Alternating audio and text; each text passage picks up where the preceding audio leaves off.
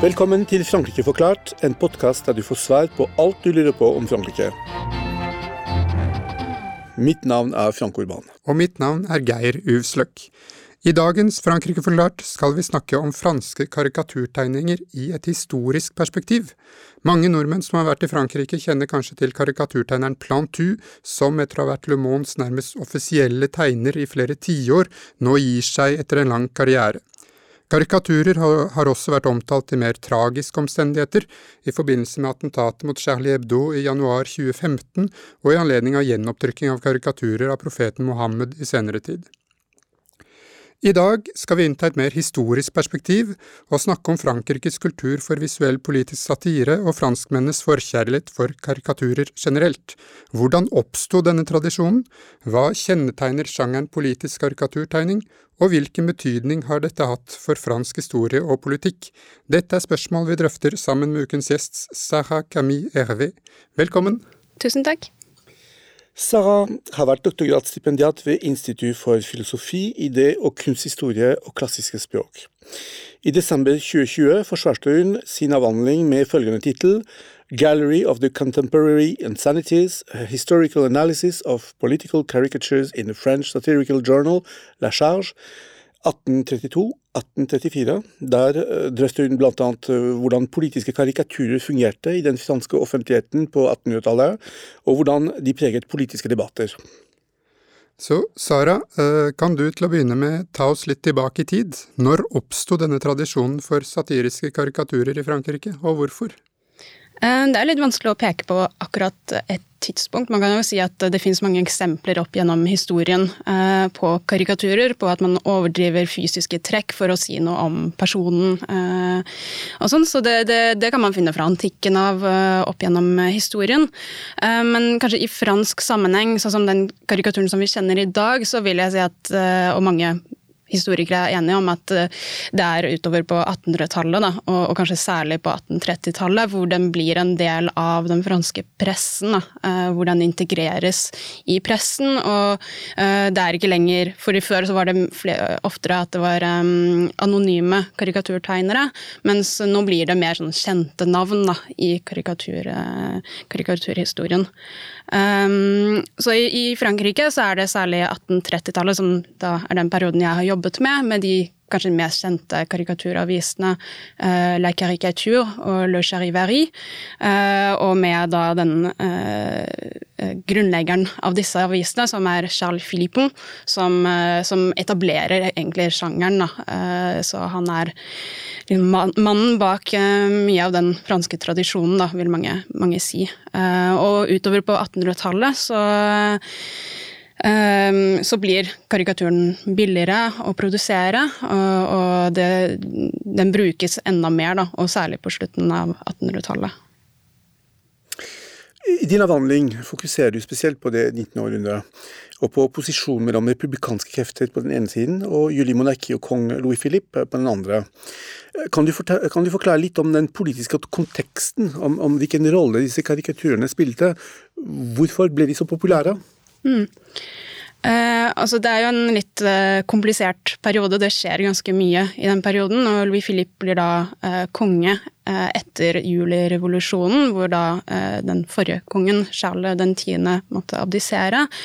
Eh, og han fremstår jo først som en ganske sånn liberal konge, som, som til og med republikanere kan kjenne seg litt igjen i. Eh, men så viser det seg ganske raskt da, at eh, han ikke, kanskje ikke er så liberal. Eh, og det starter særlig med disse avisene som jeg snakket om, La Caricature og Le Charivari, som begynner å kritisere kongen, og gjerne i form av, av karikaturer.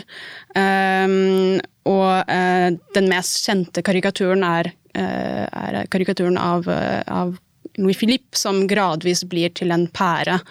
Uh, og det som er kanskje geniale trekket til, til, uh, til Filippo i de avisene, er at han bruker denne, dette motivet mange ganger i mange, mange karikaturer. så kongen blir kjent som pærekongen. Da. og dette blir selvsagt sett på som en trussel. og man begynner da å sensurere mer Eh, karikaturen særlig, men også pressen mer generelt. Da. Ehm, så sensurloven endrer seg særlig i 1835, hvor det etableres en ny, veldig streng eh, sensurlov.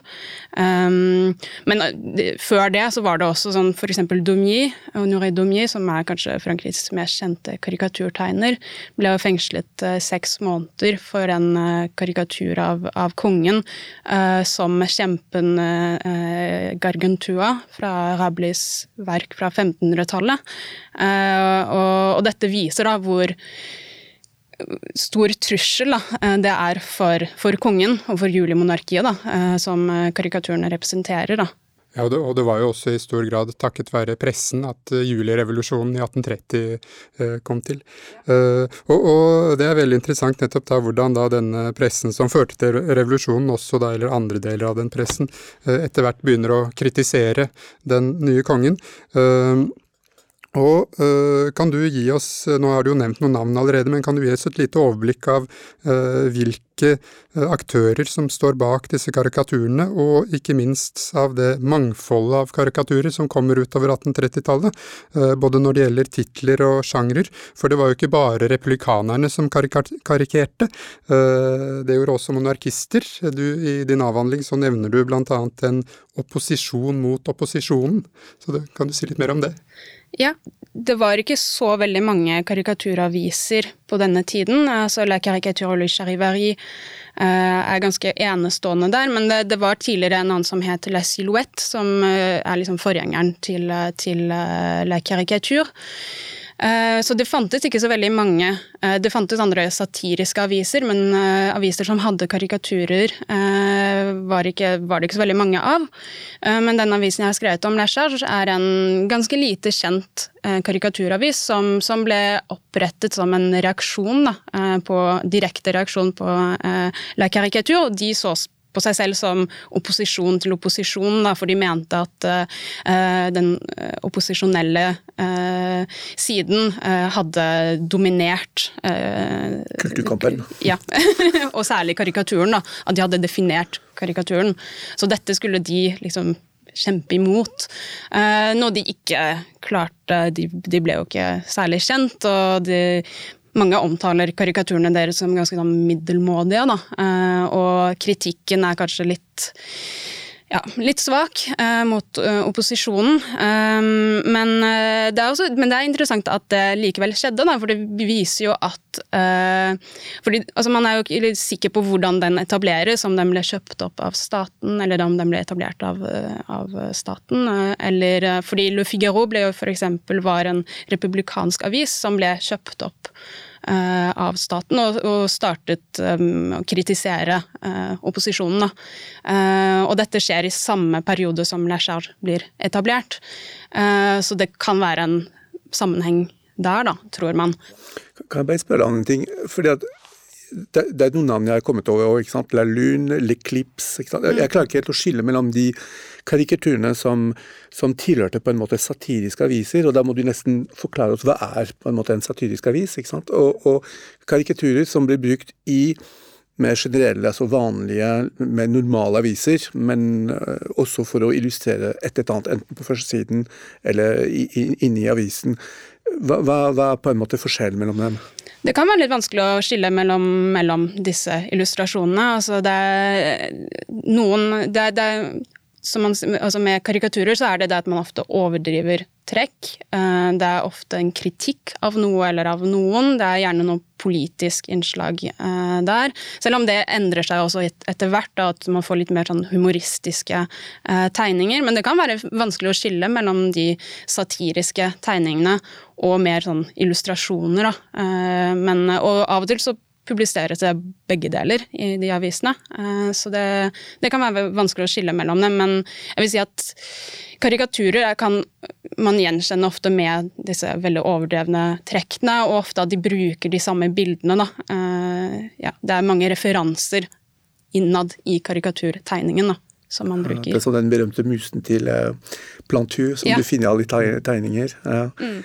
Eh, når det gjelder tematikken, altså er det noen temaer som eh, Jeg tenker på at i dag så snakker vi om politikk, men vi snakker om religion, profeten osv.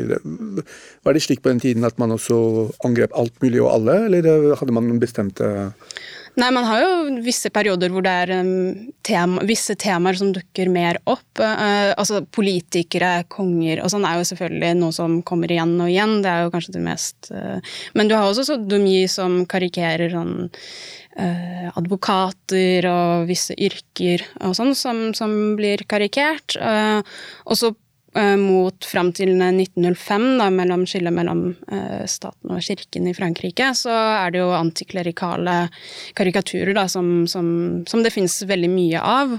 Og så er det som under Dreyfus-saken med antisemittisme, da, så antisemittiske karikaturer florerer jo på det tidspunktet. Da. Så, så, sånne ting kan man se at hva som skjer i samfunnet, egentlig, blir ofte karikert.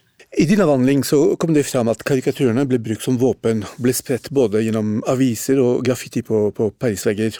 Eh, var det noen forskjell mellom disse to medieformene? Finnes det fortsatt noe spor av dette i Paris? Um, det er nok en forskjell, men de er ganske, altså det er en kobling mellom gatene, uh, veggene i Paris og, og, karikaturene, som er ganske interessant. Da, fordi uh, f.eks. Charles Philippon med La Caricature bruker mye av gatene altså gatene i Paris eh, i karikaturene. Um, og for eksempel så var, ble pærekarikaturen eh, av eh, Louis Philippe tegnet på veggene, og det vet man at det er vitne om, og til og med Victor Hugo skriver om det i Le Miserable, og, og at uh, man, man, begynte å tegne den uh, pærekarikaturen i gatene. Da. Uh, og det har man også tidligere på, på 1800-tallet eksempler på. Um, og det var også sånn at uh, i um, Altså redaktøren til, eh, til La Caricature hadde en sånn utstillingsvindu i uh, Galleri Virododa i første arrondissement, uh, hvor man kunne se karikaturene. Og det var jo fordi det ikke var så veldig tilgjengelig for folk som ikke hadde råd til å kjøpe avisene. For det var, det var, ikke så veldig mange som hadde tilgang til dem. Da, så den eneste måten de kunne se det på, var enten hvis noen tegnet karikaturen på murene, eller om de så det i den passasjen. Da.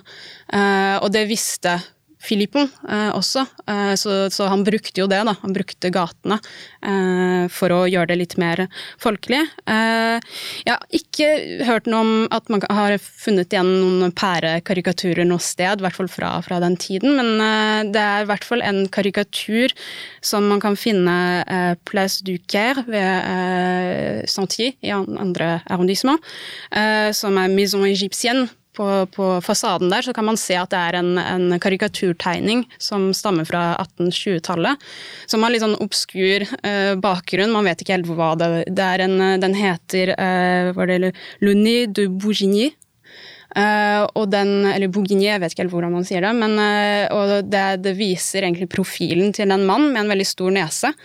Uh, og historien er at det var en kunststudent som ble mobbet av sine andre kunststudenter, medstudenter, eh, og at de begynte å tegne han på veggene i Paris, og så spredde det seg, og så ble det en sånn karikatur som folk begynte å tegne. Da. Eh, men man vet ikke helt om det er opprinnelsen, eller om det bare er en myte. Blitt mobbet i 200 år. Ja, stakkar. Men den kan man se, da, så det er ganske morsomt. Ja. Det er også interessant at det er ganske fremdeles da, på 1830-tallet ganske stor andel av analfabetisme i Frankrike, så disse karikaturene når jo eh, rett ut til folket på en annen måte.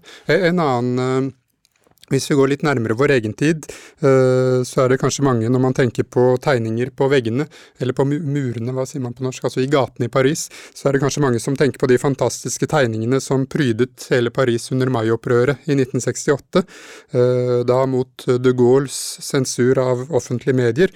Og så har vi også et annet eh, klassisk eksempel fra nyere tid, er avisen Le Canard Enchaîné som ble til under første verdenskrig, da sensuren var på det verste.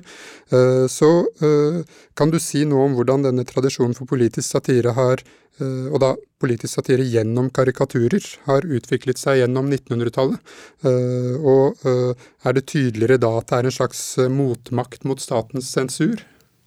Ja, det vil jeg si. Altså det, og det helt fra 1800-tallet også, så er det jo et spill mellom sensuren og karikaturen, og de bruker jo sensuren også i karikaturen. altså portretterer sensuren, og man Ofte så er det gjennom en kvinne eller en saks eller noe sånt. Eh, så sensuren er jo ganske viktig, og selv om den selvfølgelig ikke er bra, så kan det også være til dels positivt. Da, fordi når man sensurerer noe, så betyr det at noe får makt, at det betyr noe, at det er farlig. Eh, men selvfølgelig, altså maktkritikk er kanskje det som er veldig sånn uh, gjenkjennelig, da. Og den ser man fortsatt med Charlie Hebdo i dag. Jo, det var nettopp det som Du, du nevner Charlie, og det var jo vårt, vårt neste spørsmål, på en måte. fordi at hvis du ser på, eh, på Spesielt på 1960-tallet, kan man snakke om den perioden altså like før mai 68, mai 68, post mai 68, som en slags ny oppblomstring for politiske karikaturer med titler som Arakiri i 1960, Charlie Hebdo fra 1970, Sine Hebdo etter hvert. Eh, sprang alle sammen ut fra den radikale venstresiden, eller kom det også titler fra den andre fløyen?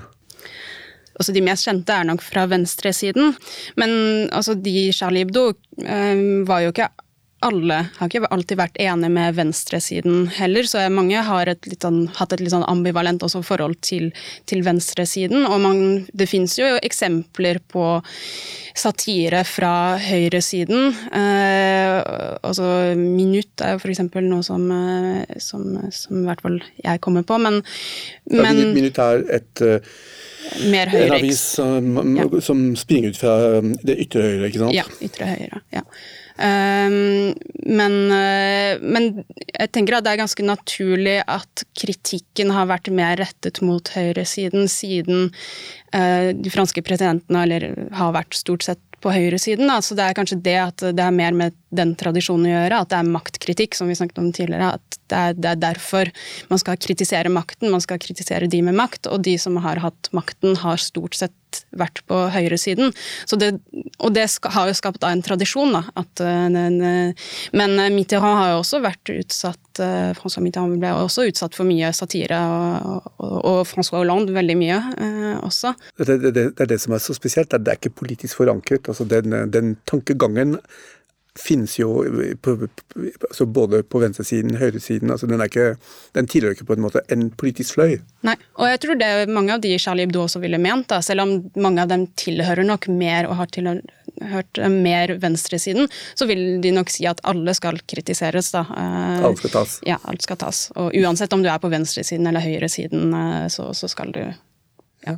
Så karikaturtegnerne de sparker altså hovedsakelig oppover og mot maktmennesker. Uh, og så i, i, våre dager så er det en annen type uh, noe vi også kan kalle maktinstitusjon, som blir særlig kritisert. I februar 2006 så trykket Charlie Hebdo for første gang Kurt Westergaards karikaturer av profeten Mohammed, og de fulgte også opp med egne karikaturer, noe som skapte vrede internasjonalt.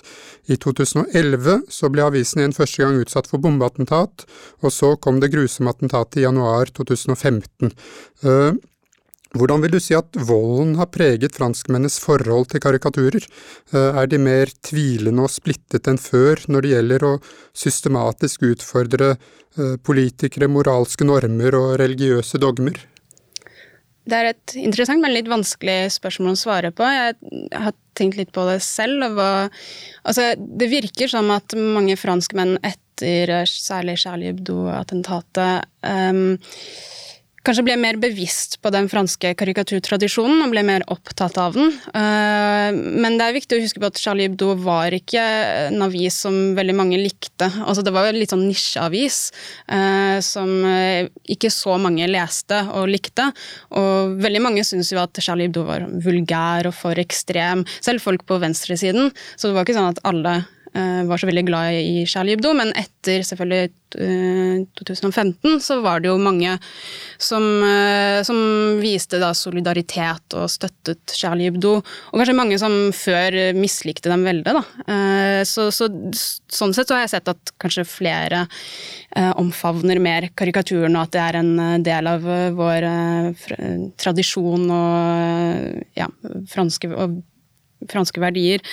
Men det er nok også selvfølgelig veldig mye splittelse der også, og særlig med tanke på, på islam. Da. Eh, og, og, det er jo kanskje det som gjør det litt vanskelig, er at også mange islamkritikere også har brukt Charlie Hebdo som et sånn symbol da, på, på, på, hvordan islam er en trussel mot franske verdier, mot fransk tradisjon.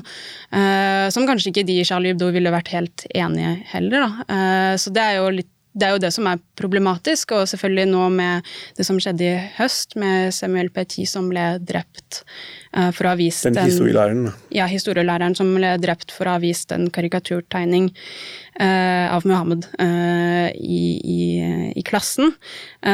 så har jo det, også, Og reaksjonene på det fra Macron og, andre politikere har jo vært ganske Altså, det, det, er, det er veldig vanskelig, da, og det kan skape splittelse, da. Det har det. Jeg tenker det, har vært sånne ting som f.eks. Den, den saken i Le Monde for ikke lenge siden, hvor en tegner tegnet en en, en, en, en, tegning som handlet om incest. ikke sant? Han, han ble, jeg, vet ikke, jeg husker om han ble oppsagt eller om han ble veldig, veldig kritisert i hvert fall for den tegningen. Er det slik at, at man ikke kan karikere alt lenger? Er det, er det en form for selvsensur fra tegnernes side? Tåler vi ikke alt lenger? Det er litt, litt, vanskelig å svare på, fordi jeg tror at det er, litt, det er, forskjell på sensur og det å få kritikk, selvfølgelig. Eh, og med den tegneren så var det jo det at Le Monde selv, altså redaktørene, sa at den, denne karikaturen syns vi ikke noe om, den skulle vi ikke publisert. Nå tror jeg ikke han ble sagt opp, jeg tror han sa opp fordi av denne reaksjonen. Da.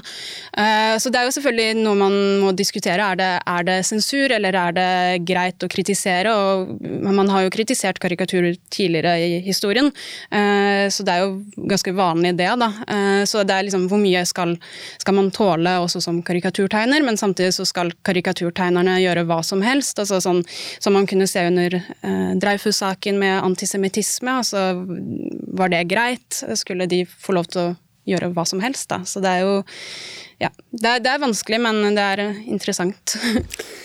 ja, og den, den debatten er ikke, den er ikke over.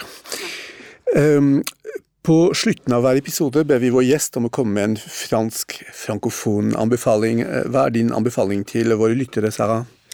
Uh, ja, jeg har valgt noe som ikke har med karikaturer å gjøre. Uh, jeg har valgt å, å, uh, programmet som heter Carambolage, som, som er på den fransk-tyske kanalen RT, som tar for seg kultur, kulturelle forskjeller da, mellom eh, Frankrike og Tyskland, som har ganske mange, mange morsomme innslag av eh, spesialiteter, eh, kanskje objekter, ord, uttrykk som, som er spesielle for Tyskland eller Frankrike. og som, som er ganske sånn lettvint, da. Men, og så har de ofte innslag av av folk som bor, enten franskmenn som bor i Tyskland, eller tyskere som bor i Frankrike, og hva de savner fra hjemlandene sine. Og som både fransk og norsk, så syns jeg jo at det er ganske morsomt å kan relatere til mye av det. Da. At eh, noe jeg savner fra Frankrike når jeg er i Norge, og noe jeg savner fra Norge når jeg er i, i Frankrike. Veldig bra. Geir, har du en anbefaling? Ja, det har jeg, Frank. Jeg vil anbefale to bøker. Eh, først Jean-Luc Borquet sin biografi Cabu, un video dessinateur. Den ble utgitt på Gallimard i 2018, om eh, karikaturtegneren Jean-Maurice Jules Cabu, bedre kjent bare som Cabu. Han var en av de som ble myrdet i attentatet mot Charlie Hebdo i 2015. Eh, en pasifist, miljøaktivist og ikke minst en forkjemper for ytringsfriheten. Og i den biografien så blir vi med Cabu gjennom barndommen, ungdommen som jazzentusiast, Algerikrigen mai 68, årene som tegner i Arakiri, Pilot, Charlie Hebdo, Le Canard Enchaîné og mye mer. Eh, så altså en bok om fransk historie, rett og slett også. Eh, og så er det også utrolig mange flotte tegninger av Cabu i den boka. Og så vil jeg også anbefale en bok jeg har bestilt, men ikke lest ennå, som jeg gleder meg til å lese.